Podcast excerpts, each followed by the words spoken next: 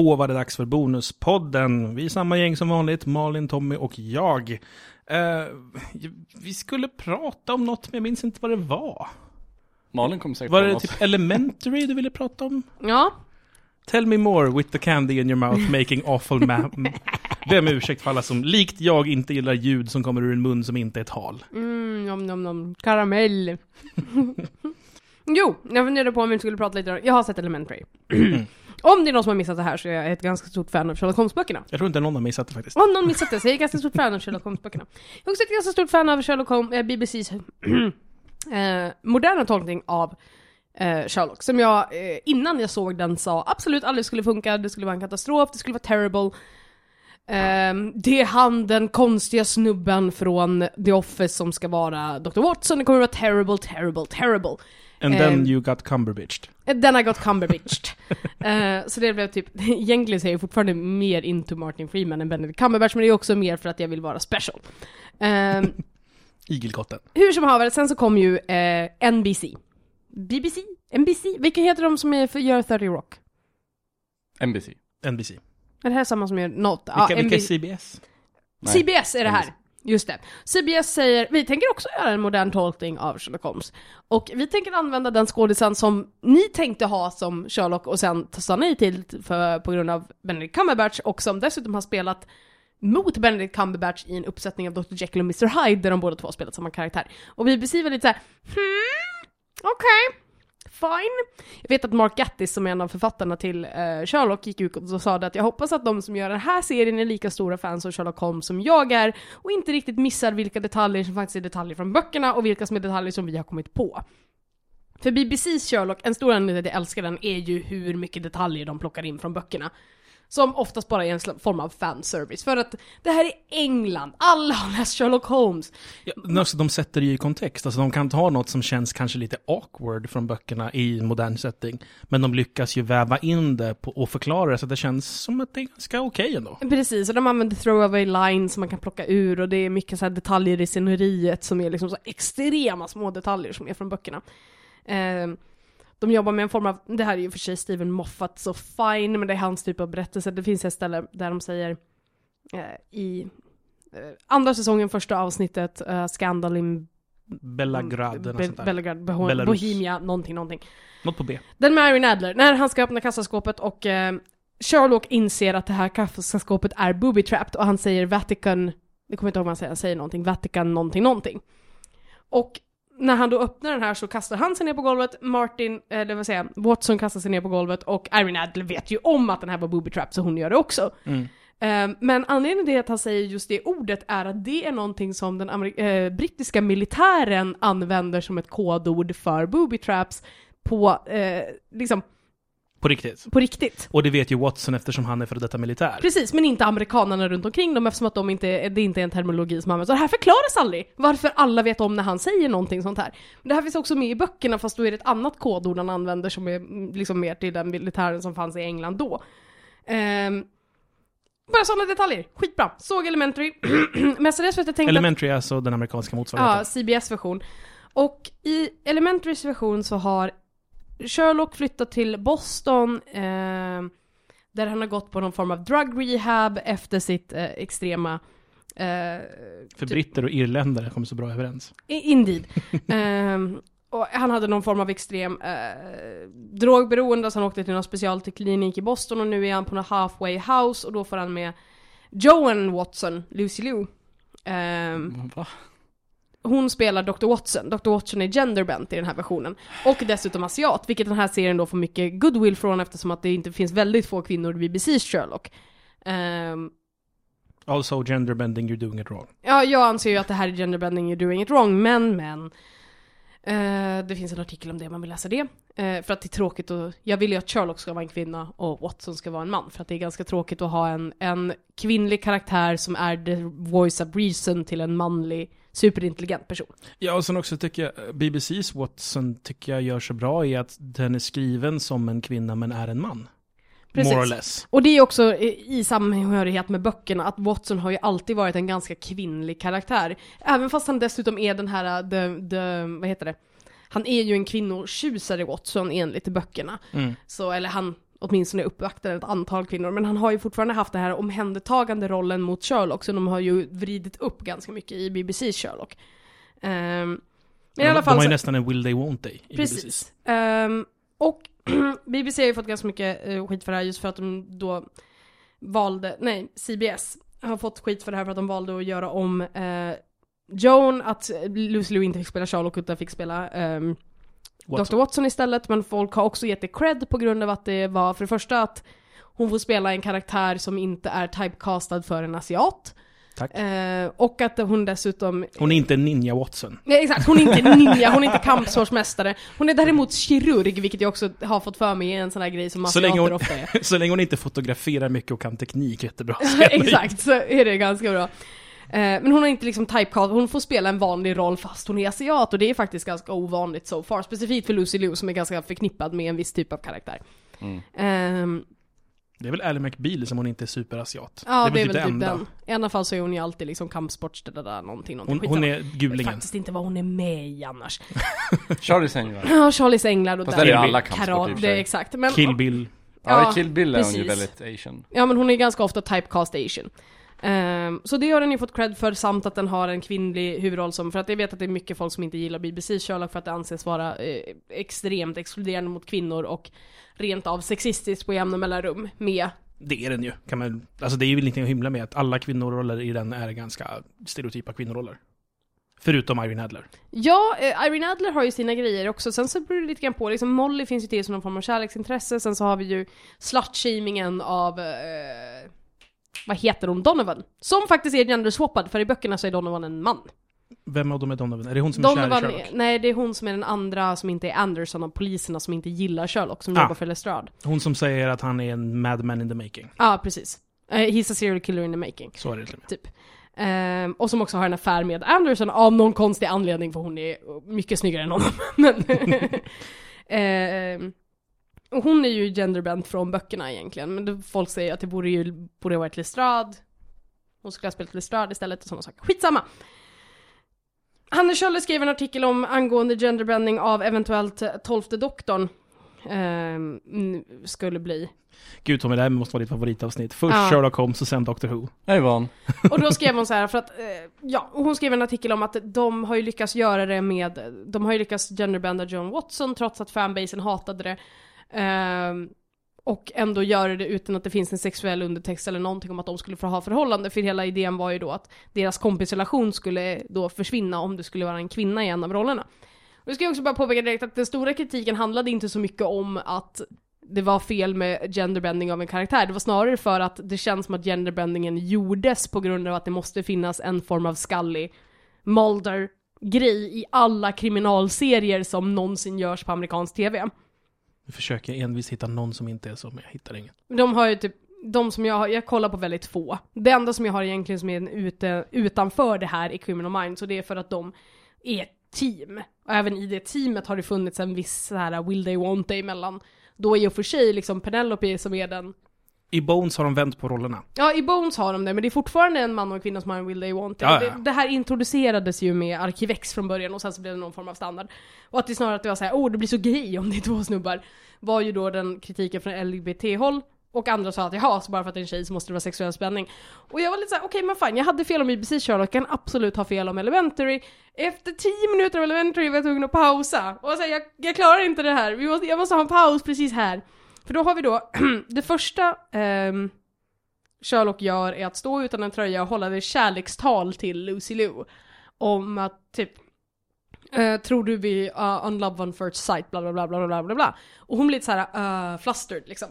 Och sen visar det sig att han bara gissade dialogen i en film som han höll på att kolla på. Så att han skulle se om han kunde få dialogen rätt på en gång. Ehm, sen så, det första som händer också är att eh, Lucy Liu möter en tjej som kommer ut därifrån som precis håller på att sätta på sig skjorta och sådär. Och så typ frågar hon så här, men var det där din girlfriend? Och han bara nej, det var bara någon partner. Och så det, det är någon så här, det är en massa handklovar fast i en stege.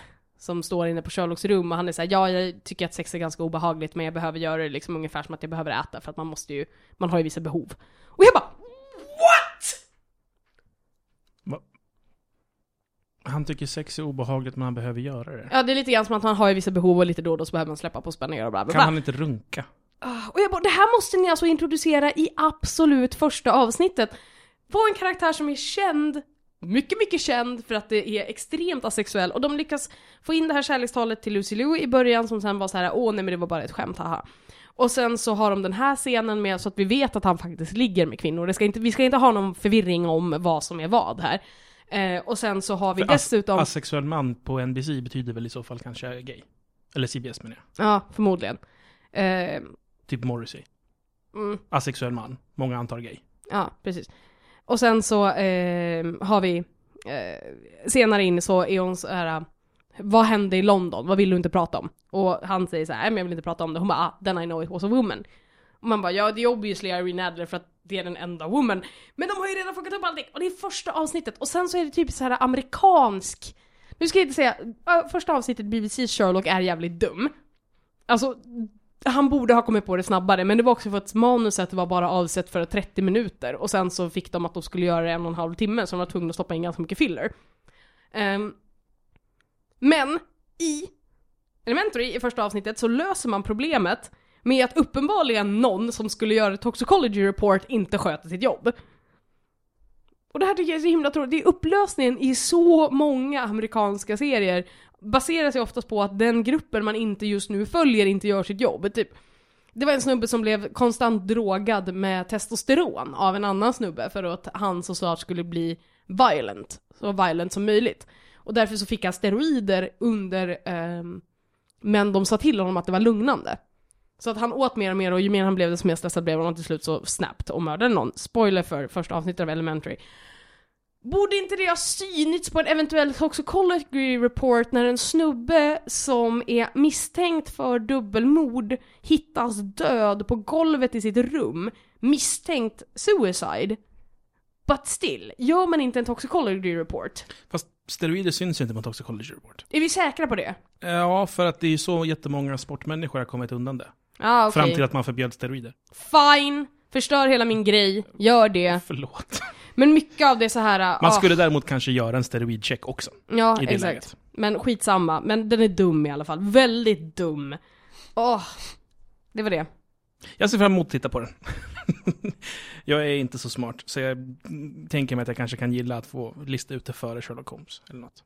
Fast det är liksom inte som att de ger dig hints. Det borde vara en hint redan det första som händer i hela serien är att Ja, nej det är så himla dumt. Plus att Joan Watson ser blod och blir så här. Åh oh, gud en död person! Och man bara Du är en ER surgeon! ja, faktiskt. Hur kan du bli så förvånad över att se någon som dött? Och sen så är hon så här. ah, och hon slutade vara, nu har jag inte fått någon backstory av det här, men hon slutade vara en surgeon på grund av att någon dog. På Det är väl ganska många table. som dör när man är kirurg. Exakt! Det händer väl? Det är väl typ varannan person eh, som dör. Typ, Ja. Folk jag känner som är sjuksköterskor lever ju med det där dagligen, att deras patienter går och dör. Ja, men sen vet Det- man det- inte, som sagt i det här laget så är det inte så himla grovt med varför, men de ville ju, de behövde ju ha en annan backstory till varför hon slutade vara kirurg eftersom att de inte tyckte att det var logiskt att hon var läkare i armén, så det tog de ju bort i backstoryn. Varför skulle det inte vara det logiskt? Därför att Amerika inte, även om Amerika har amerikanska soldater, eh, har kvinnliga soldater, så ställs inte de på frontlinjerna. Så hon kan inte ha blivit skjuten. Men att hon skulle Just kunna det. vara ett fältläkare kan man väl ändå så vara? Men kan eller, hon inte ha snubblat och brutit benen då? Ja, eller säga att hon är läkare utan gränser.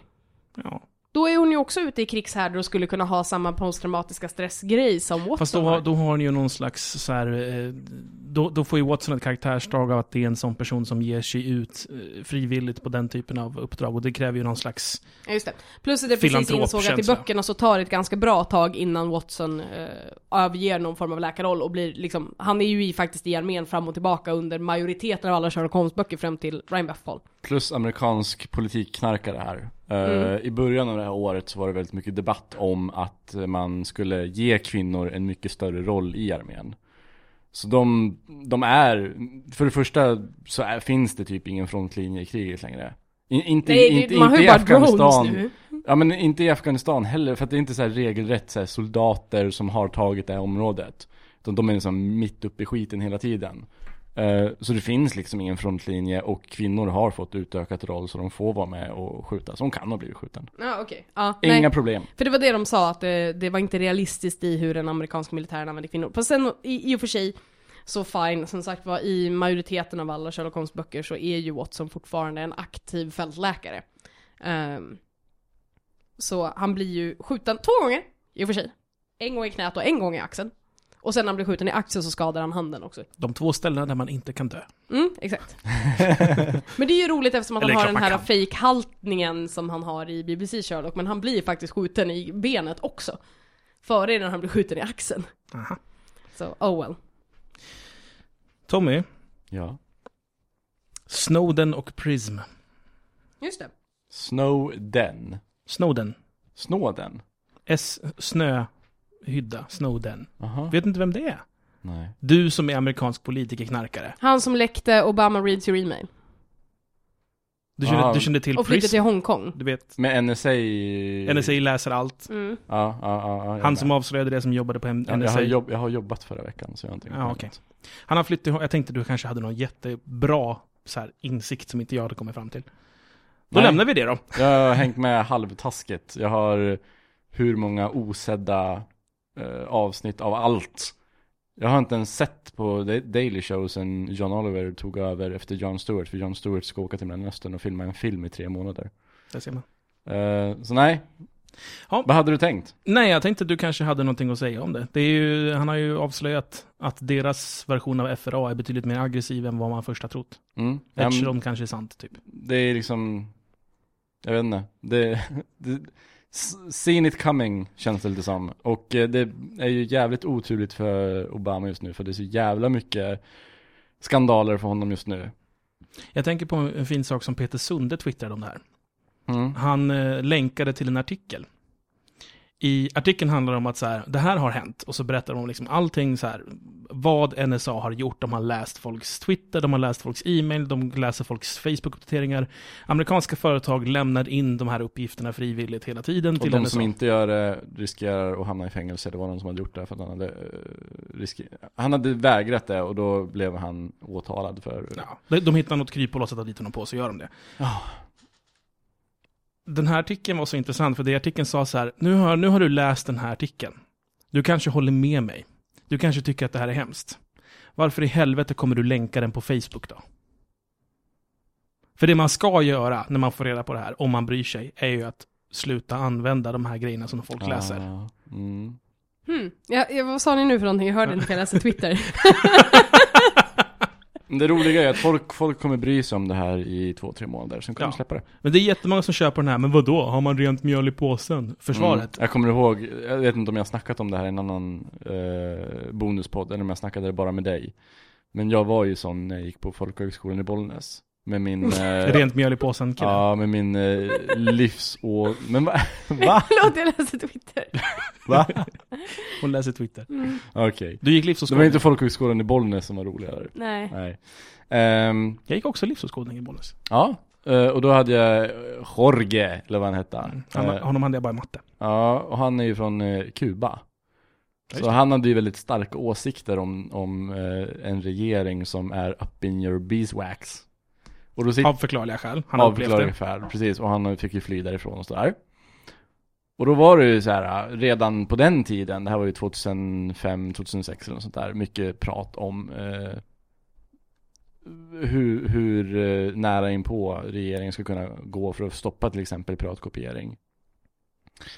Och då var ju jag sådär, eh, vadå? Har man bara rent mjöl i påsen så? Varför ska jag bry mig om jag har rent mjöl i påsen för? Och sen tänker jag tillbaka på det här nu och först är det cringe att jag överhuvudtaget hade den åsikten och inte såg längre. Men jag var typ 21 eller något sånt där. Det är okej att ha haft en Det är dålig året åsikt. innan det slutar vara okej att vara dum.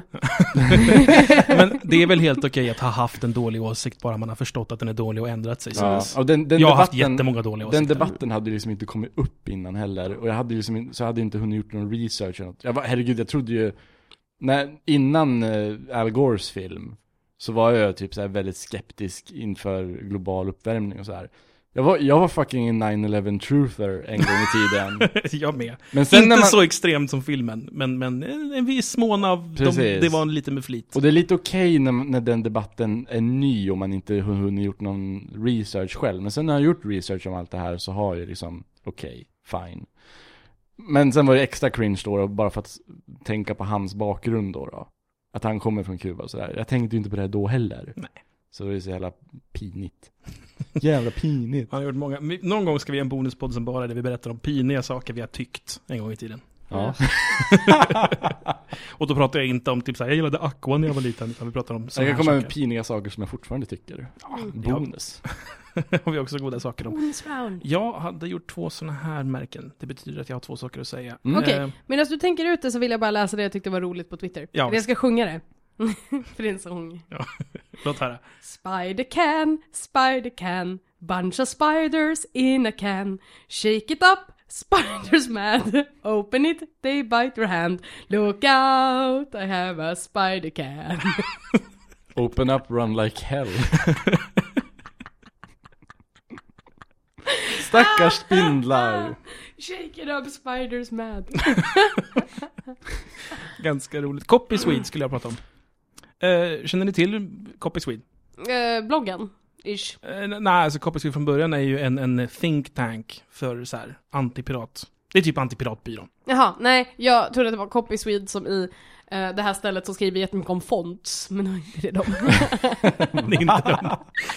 de kanske heter Swedish Copy. Ja, är eh, men. Co- Copy Swede är en lobbyorganisation för olika människor som bryr sig om copyright. Gud vad obehagligt med lobbyorganisationer tycker jag. Det var lo- obehagligt att de låter exakt som en blogg för folk som gillar fonts. ja, Eh, de håller på att få igenom att eh, alla som eh, köper en- maskin som det går att spela upp saker på, som kan vara piratkopierade, ska få betala en avgift. En eventuellt kanske piratkopiering kommer ske avgift. Typ om du köper dig en Xbox. Men då ska man ju inte, okej, fine. Eh, men då kan vi mötas halvvägs. Jag betalar den. Då ska jag inte åka fast om jag piratkopierar heller. nej exakt, då är det Då har jag betalat för att piratkopiera. Ja, nej men då, det tycker jag ju också. I sådana fall, fine, lägg ut den. Men då, för det första, vad får eh, upphovsrättsmakarna av den? Absolut Vart ingenting. går de här pengarna? För då ska de, för det första ska inte jag betala det till dem. De kan ju betala det och agera som en liten bank. En liten härlig distributionsbank till distributörer. Och sen så kollar de så här mest nedladdade grejer och så ger de potentiellt ut pengar till de mest Du menar nedladdade. lite som Spotify fungerar? Ja, exakt så vill jag att de ska funka i sådana fall. För då har jag uppenbarligen betalat för min rätt att piratkopiera, det är det du gör. Men då får inte de ha de pengarna, vad ska de, de är inte drabbade. Also, varför ska min morsa betala för att jag piratkopierar?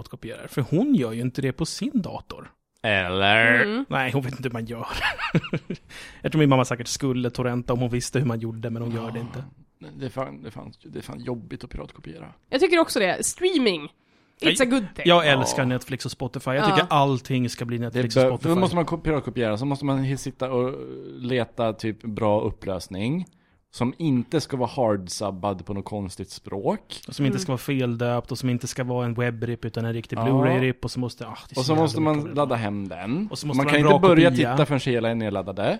Och sen om det inte är en proper Blu-ray-rip så måste man ut på eh, olika subtitles-sidor och leta den rippens egna subtitle och så måste man Orkar inte heller. Nej, jag streamar nästan allting Och- nu för tiden. Och piratkopiera spel vill jag inte ens gå in på, det är ju skitjobbigt. Jättekomplicerat. Eller, inte för gamla grejer. Det är jättelätt att piratkopiera SNES-spel, men ko- piratkopiera Ja, typ. Xbox-spel. Åh, orkar måste lämna in i Xboxen, kostar massa pengar, vet inte om det kommer funka, Måste kan bli bränna brännad. skivor va? Måste man? Jag, jag, kan man jag tror man kan insta- jag vet inte. Jag har typ inte piratkopierat tv-spel på hundra år. Tror det enda jag har verkligen så här på, har så här legitimt så här piratkopierat och lämnat ut var ju Death Note. När den serien gick. Det var ju typ det man laddade ner. Och sen så hade man alla avsnitt och alla andra hade sämre internet. Så man brände ut olika versioner av det och lånade ut skivan till folk. Så folk kunde se Death Note. Mhm. Det måste vara länge sedan. Det var länge sedan. Det var innan man kunde streama saker och ting rakt upp och ner. Typ Mm. Adventure Time. Streaming! Mm. Awesome. Jag glömde bort vad den andra saken jag skulle prata om var. Var det någonting som var relaterat till det andra? Nej, det var något helt annat. Jo! ehm, Min absoluta favoritgenre av tv-serier är smarta människor som pratar lite för fort, Gilmore Girls. typ. Mm. Eh, I väntan på nästa säsong av Newsroom, som kommer om en månad, så har jag börjat kolla på The West Wing. Okej. Oh. Mm. Har du sett Hannibal än? Nej, jag har inte sett Hannibal. Oh my God. jag har hört mycket gott om Hannibal. Du har hört bara från mig tror jag. Nej, jag har hört från flera andra också. Yay! Det har fått bra recensioner. Jag ska säga att deras, första kommer David Tennant vara med i nästa. Woohoo! Det här var ju jättestörigt, jag fick ju reda på det. Nu avbryter jag dig här när du försökte prata om din grej. Är lugnt. Ehm, David Tennant hade ju fått rollen som Hannibal. Mhm. Nej. Och sen så kom Mads Mikkelsen och bara 'Fast jag kan också tänka mig' Alla bara 'Du är kändare!' Och så fick han rollen. Gud, vad läskigare. Ja, är det bara jag som alltid blandar upp Mads Mikkelsen med Michael Madsen? Ah, Det är nej, samma namn för fan, de har vänt på det. namn. Men David Tennant ska i alla fall vara med och spela seriemördare i nästa eh, säsong. Sweet. Så förhoppningsvis får han vara med i lite fler avsnitt, för att han var mer eller mindre typ 100% klar för den serien. Och sen så kom Mads Mikkelsen och bara swooped in och var lite mer känd. Det låter som en av mina vänner som skulle ha spelat Cornelis i filmen om, eller vad säger jag? Jo, Cornelis i filmen om Cornelis. Mm. Men sen så kom Hank von Helvete och var mer känd. Men det här är ju typ, jag tycker det här skulle varit så, egentligen skulle jag ha köpt David Tennant lite mer som den här eh, superpropra mm, seriemördaren. Som ingen tycker är läskig eller intimidating. Nej det är det jag tänker, han är ju Mads så Mikkelsen, harmlös. det finns ju en typ, Mads Mikkelsen så fort han står i närheten med folk, och man vet ju att han är Hannibal, man vet ju att han är en galen seriemördare som typ dessutom är så här: om folk är otrevliga mot honom så har han ofta ihjäl dem. Det är typ hans eh, grej. Don't be rude, då har ni aldrig, typ. Och Han är en fan av vett och etikett. Ja, plus att han gör ju precis allting och den enorma mängd av scheming han har gjort nu mot sista avsnittet, som, sista avsnittet av första säsongen. Säg inte för mycket, jag har inte sett något. Ja. De, eh, det går ju att streama det här på kanal 5 exempelvis. Aha. För de sänder dem bara en typ- vecka efter. Kanal 5 på play.se Ja. eller något sånt där. Då kan man ju maraton där. Exakt. Och eh, man måste ju genomlida alla deras jävla reklampauser med samma jävla reklam, men men. Ja, just det. Vänta, vänta, vänta. Det är alltså reklampauser i, I streamingen. Okej, vad- vet du vad som händer om man, får, om man har på adblock? Nej, jag Den, har inte det. Den, eh, vad jag har, om de inte har ändrat någonting, Ja. så gick det i alla fall inte förut. Ja. Den, den tog sig förbi adblock. Okej, för att när jag kollar på TV9 tror jag det var, deras stream. Och det som det blev svart och så kom ett meddelande om att så här, hade du inte haft adblock hade det tagit 30 sekunder. Nu Nej, det det 90. var Blipp TV. Ja, Okej. Mm. Eh, utan där var det bara svart och räknade ner ni- eh, 90 sekunder. Ja. Fine, jag tar hellre det. Hur som haver så, um, nej, skitbra. Men däremot så köper jag ju inte så himla mycket. Folk står rakt mot Hannibal. Nu har de haft en diskussion, att jag tror att de har haft den här diskussionen där de pratar om, I don't think, såhär, de pratar om att Hannibal är så här ganska harmlös. Är det här innan Hannibal sitter i fängelse? Alltså utspelar sig serien... Det här utspelar sig med att... eh, Är det Red Dragon-tider Ja, eller? det här är Red Dragon. Den är baserad på Red Dragon. Okej, så det är så- innan man vet om att han är seriemördare? Ja, men du som tittare vet ju om det, för att det finns ingen mening att gömma det för någon. Nej, Eftersom att alla vet det. Ehm, så i första avsnittet redan, serien förutsätter att du vet vem Hannibal Lecter är. Och om du inte vet det så berättar vi det för dig i slutet av första eh, avsnittet. Men det här går ju ut på att han är hög, eh, han är psykolog och jävligt höguppsatt. Ehm, han är liksom well-renowned och jobbar i samarbete med FBI. Och de har en FBI-agent som är en slags Sherlock Holmes-karaktär som eh, liksom han anses vara extremt empatisk men är också så här, lagom Aspergers socialt eh, jättekonstig. Ehm, hur går det ihop? men det, han kan sätta sig in i hur folk tänker. Så här, han kan se ett scenario, koppla ihop allting och sätta sig in i ett mindset av den här personen beroende på hur den här personen har reagerat. Han har empati men inte sympati. Exakt, han har empati men inte sympati och han har dessutom då en personality disorder som gör att han inte riktigt kan koppla vad han själv är eftersom att han kan se vad alla andra är så himla lätt. Ehm, och inte riktigt Sherlock, men det är liksom en Sherlock Holmes-karaktär. Och den här personen är mentalt instabil. Han jobbar som lärare åt FBI egentligen. Före detta field agent, nu med lärare. Eh, och de behöver ha honom i en crime scene. Och då tar de in Hannibal Lecter som en slags konsultering efter det här. Ehm, tror vi att han kan klara av det här? Kan du övervaka honom och se till, liksom rapportera eventuella findings till För, oss? att, för att han är någon slags högt, högt uppsatt psykolog. typ. Ja, precis. Okej. Han anses vara specialfall på folk med personlighetsklyvning och sådana saker. Ehm, och det här ser ju Hannibal som en jävligt bra grej för att det här betyder att han får insight i FBI's jakt på seriemördare vilket gör att han kan börja kopiera mord för att komma undan med dem lättare och kunna liksom ta upp sin, fylla på sin kyl. Mm. Och majoriteten av serien har ju den här reaktionen när de typ sitter och pratar om såna här, alla mord och allting och vad ska de göra? Bara, han är precis där! Det är han! Det är han som, vet du, han sitter där! Men- Sjukt. Finns det något spänningsmoment att de är på väg att hitta Ja, Hannibal? det är ju det. För att grejen är att det finns ju en... Det här är som Death Note för vuxna, var min eh, grej. Ehm, har inte jag pratat om det här en gång redan? I Jag vet inte, jag har en fråga angående i så fall, om, om det finns ett spänningsmoment i stil med Dexter då, att så här, Mm. åh, de kommer hitta honom. Vi vet ju vilket fall det är de tar honom på redan. Det Ja. har ju berättats både i böcker och i film. Precis. Jag vet inte riktigt, eh, för jag minns inte. Okej. Men man vet ju vilket fall det är. Alltså det är ju... Det som är spänningsmomentet här är snarare hur mycket av överhanden det är. För att Will... Som sagt de har så jävla mycket Twin Peaks-referenser i, i berättandet i den här serien. Oh. Så att... ehm, Nu spetsar mina öron. Mm. Will har ju en massa drömsekvenser och saker och ting då han går, han, ju galnare han blir och de här är ofta kopplade till saker och ting som har synts visuellt tidigare i serien. Är det någon som påpekar att det där tuggummit han gillar kommer komma tillbaka? Nej, Fan. inte sånt. Men däremot så är det mycket så här att de har liksom visuellt visat en grej, så hans undermedvetna, vilket jag börjar se nu i slutet av säsongen, hans undermedvetna har ju redan kopplat ihop en massa saker som hans vakna medvetande inte än har hunnit med. Och nu börjar han hinna ikapp. Och så det är hela tiden den här kapplöpningen mellan Hannibal behöver honom för det ger honom en insikt i FBI samtidigt som Hannibal också är ganska lonely. Så att nu har han liksom någon som han kan Eh, ty sig, har någon som behöver honom. Det verkar vara en sån stor, det är en grej för honom att han kan vara behövd och dessutom någon som liksom är artig, vilket också är viktigt. Ehm, um, Medan Will då börjar förlita sig allt mer på Hannibal för att han är den enda fasta punkten som han har i den här världen som för hon, han håller ju på att bli komplett galen. Sen skulle jag säga visuellt är den här serien så vidrig och brutal. Um, andra avsnittet eh, var typ det äckligaste jag sett på TV. Det står konstant 'viewer discretion is advised' i botten.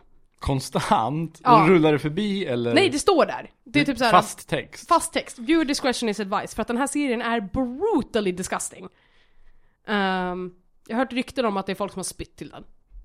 Eh, och andra avsnittet var verkligen så här. äh, jag kun, har fortfarande väldigt svårt att äta mat som innehåller svamp. Okej. Ehm, Det ska bli spännande. Challenge men du ville prata om någon annan? Jag, jag vill ha en liten snabb fråga bara. Ja. Eh, mitt problem med Dexter Ja. är att jag verkligen inte gillar Dexter. Och jag vill att han ska åka fast, Jag han vill är ett jävla rövhål. Typ, man, det är svårt för mig att engagera mig när jag inte gillar och inte hejar på eh, protagonisten. Som Hur jag det- tv-spel. Hur är det i Hannibal? I Hannibal så har du ju inte, du hejar ju definitivt inte, du hejar ju mer på Will. Och det beror ju på lite grann vad du tycker om Will som karaktär. Men ehm, du kommer ju hata den för den har ingen färg. Hela serien är ju liksom ganska grå. Ehm, mycket tunga draperier, mycket damm, mycket snö. Typ de... Snö är fint. Mm. Snö och blod går bra ihop. Men eh, alltså, Dexter och Hannibal är ju två helt olika typer. Du vet ju, du gillar ju, det är inte som att man hejar på Hannibal, men du vet ju what kind of monster he is. Det finns ingen form av, det här tycker jag, det är som i Breaking Bad, det finns inga faktorer som är förmildrande för Hannibal. Han är en spritt språngande galen seriemördare som lyckas passa in jävligt bra i samhället. Var, var, Medans- var inte Breaking Bad, för att jag avbryter, men Breaking Bad började väl med jättemånga sådana faktorer? Jo, så sakta precis. men säkert blev good guys bad guys. Exakt, de bytte ju skifte på hela serien. Ja. Ehm, Snyggt gjort. Ja, jävligt snyggt gjort. Och det här är ju, han är ju läskig och farlig och in, det intresserade är ju snarare liksom att det här med hur han plottar saker och hur saker och ting spelar ut i hans fördel och just hur Will så att säga mer eller mindre börjar närma sig samma slutsats som det här. Eh, börjar närma sig slutsatser om saker och ting. Typ det. Eh, så det är ju Will du ska heja på, men Hannibal är ju den intressanta karaktären. Dexter har ju det här problemet att det finns så mycket förmildrande omständigheter för varför han gör det han gör. Och han dödar bara seriemördare och de är aldrig riktigt oskyldiga och han är egentligen en good guy och han vill bara göra bra saker. Och jag tror det är det jag stör mig på, att serien försöker gestalta honom som en good guy, som någon som man ska heja på. Mm. Och därför finns det ingen substitut för den, den rollen i den serien. Nej. Men i Hannibal, då är det som, han är bad guy. Han är Ni the ska bad inte guy. heja på honom, Nej, det är han här ni är- ska heja på. Han är en ruthless cold killer som gör exakt det han behöver göra för att inte bli påkommen. Så Han har inga moraliska qualms, han gör saker och ting bara för att se vad som händer. Mm. Om jag gör det här, om jag förstör den här människans liv komplett, vad händer då? What Kul if, att kolla. what if I shake the spider can? Ja men exakt. Ehm, Nytt ordspråk. Dexter är ju dum i huvudet. Jag hoppas ju på riktigt att, eh, jag älskade första och andra säsongen av Dexter, sen har det liksom bara hängt med. Jag, sen jag så- slutade ju, jag gav upp på Dexter och tänkte att nej, när, när dramat i Dexter är åh, vad jobbigt det är att vara småbarnspappa hörni, då sket jag i serien. Fast det var ju ett tag där det var så här, vad jobbigt det är att vara småbarnspappa och seriemördare. Och det är så här, men sen så, som sagt säsong 1 och 2 var de som var bra, sen efter det kan man helt och hållet skita i alla andra säsonger teoretiskt sett. Jag gillar dem fortfarande, jag har sett allihopa och jag gillar ju serier om seriemördare. Så då kommer jag ju automatiskt in i det här. Men jag hoppas ju så jävla innerligt att han åker fast i säsong 8 och att det bara handlar om att han, det här är ju sista säsongen. Och att det här handlar om att han blir påkommen i typ avsnitt 1 eller 2 och sen så är det bara att han Rättegångsdrama med flashbacks. Nej, inte bara rättegångsdrama utan bara att han ska nu leva i en miljö där han, eller bara att han måste fly ett tag också, bara så att han får leva på ett sätt där han är påkommen. Hela den här fasaden han har bara rasar. Han behöver inte längre låtsas vara the good guy. Man kan bara släppa det och han kan vara ruthless, liksom den här kalkylerande, kalla, oempatiska människan han är. Och liksom bara gå full on with it. Det skulle vara jätteintressant att se honom i fängelse, för att jag tänker att det är lite grann som när Rorschach sitter i fängelse. ja. I'm not here with you, you're in here with me. Exakt. Ja, gud jag måste se den filmen igen. Jag, eh, jag skulle jättegärna vilja se ett Dexter-tv-spel. Som är GTA 4. Ja. Alltså att du har den här stora öppna staden. Du har en evig hunger att mörda, precis som Dexter. Och utöver ditt vanliga jobb, som kanske är polis, typ eh, LA Noir-style, så har du också det där till och från så måste du tillfredsställa din hunger och då måste du ha researchat upp vilken som ska bli ditt offer. Du måste utföra mordet, sen måste du dölja det. För det tråkigaste som finns i GTA-spelen, det är att dyka upp på dejten med en blodig bil. Ja. För att man har krockat med 300 tanter på vägen liksom. Och det vore så skönt med ett spel där du inte kan göra det. Du får köra över tanter bäst du vill med din bil, men den måste vara ren när du väl kommer fram. Och det är också, det skulle vara motsatsen till Persona 4, då du har en sån här bild av, okej, hur många dagar kan jag klara mig utan att mörda någon? Vi säger att jag klarar mig ungefär 14 dagar, sen måste man ha ihjäl någon igen. Mm. Och då måste du liksom under den här tiden sköta ditt vanliga jobb, försöka hålla ditt alibi, throw off eventuella polisutredningar, Researcha ditt nästa offer. researcha mitt nästa offer, äta, sova, typ plugga, skriva en rapport och sådana saker. Och sen liksom har du det här äh, dag 14 och om du inte klarar det innan det så går ingen i din omgivning säker. Då har du liksom en, Ja, du, du, it could be anyone. ja då, då kan du vakna upp och du kan inte styra. Det, det är som the, black pa- the dark passenger han kallas. Mm. Ja, precis. Dark passenger tar över och så stabbar du någon som är viktig för dig typ. Exakt, och sen så kan du på något vänster komma tillbaka och vara såhär oh crap, och kanske hinner du gömma det här liket, kanske hinner du göra Åh, det här blir någonting. ett bra spel. Eh, Jag skulle prata om något helt annat, men jag glömmer bort det igen för att ni är för fascinerande så jag glömmer bort vad jag ska prata om. Har du läst en bok om seriemördare? eh, ja, Nu men vilken igen. vill du ha? Nej, för jag har den hemma. Vilken då? Så då kanske, jag kommer inte ihåg. Eh, Så då kanske jag har ett boktips till dig nästa vecka. Mm. Näst, nästa vecka. Det finns jättemånga skitdåliga dokumentärer om seriemördare. Jag kan rekommendera alla. För de är skitdåliga på ett bra sätt. Eh, apropå dokumentärer så kommer jag på vad det är jag ska egentligen prata om. Jag har nyligen sett en dokumentär, Vilket jättekonstigt bonusavsnitt det här blir. Ja, i Ja. alla fall. en, do- en dokumentär som jag bara måste få flagga lite för. Eh, A Band Called Death. Är det någon som har hört talas om den? Nej. Nope. Är det ett band? Ja. Heter de Death? ja.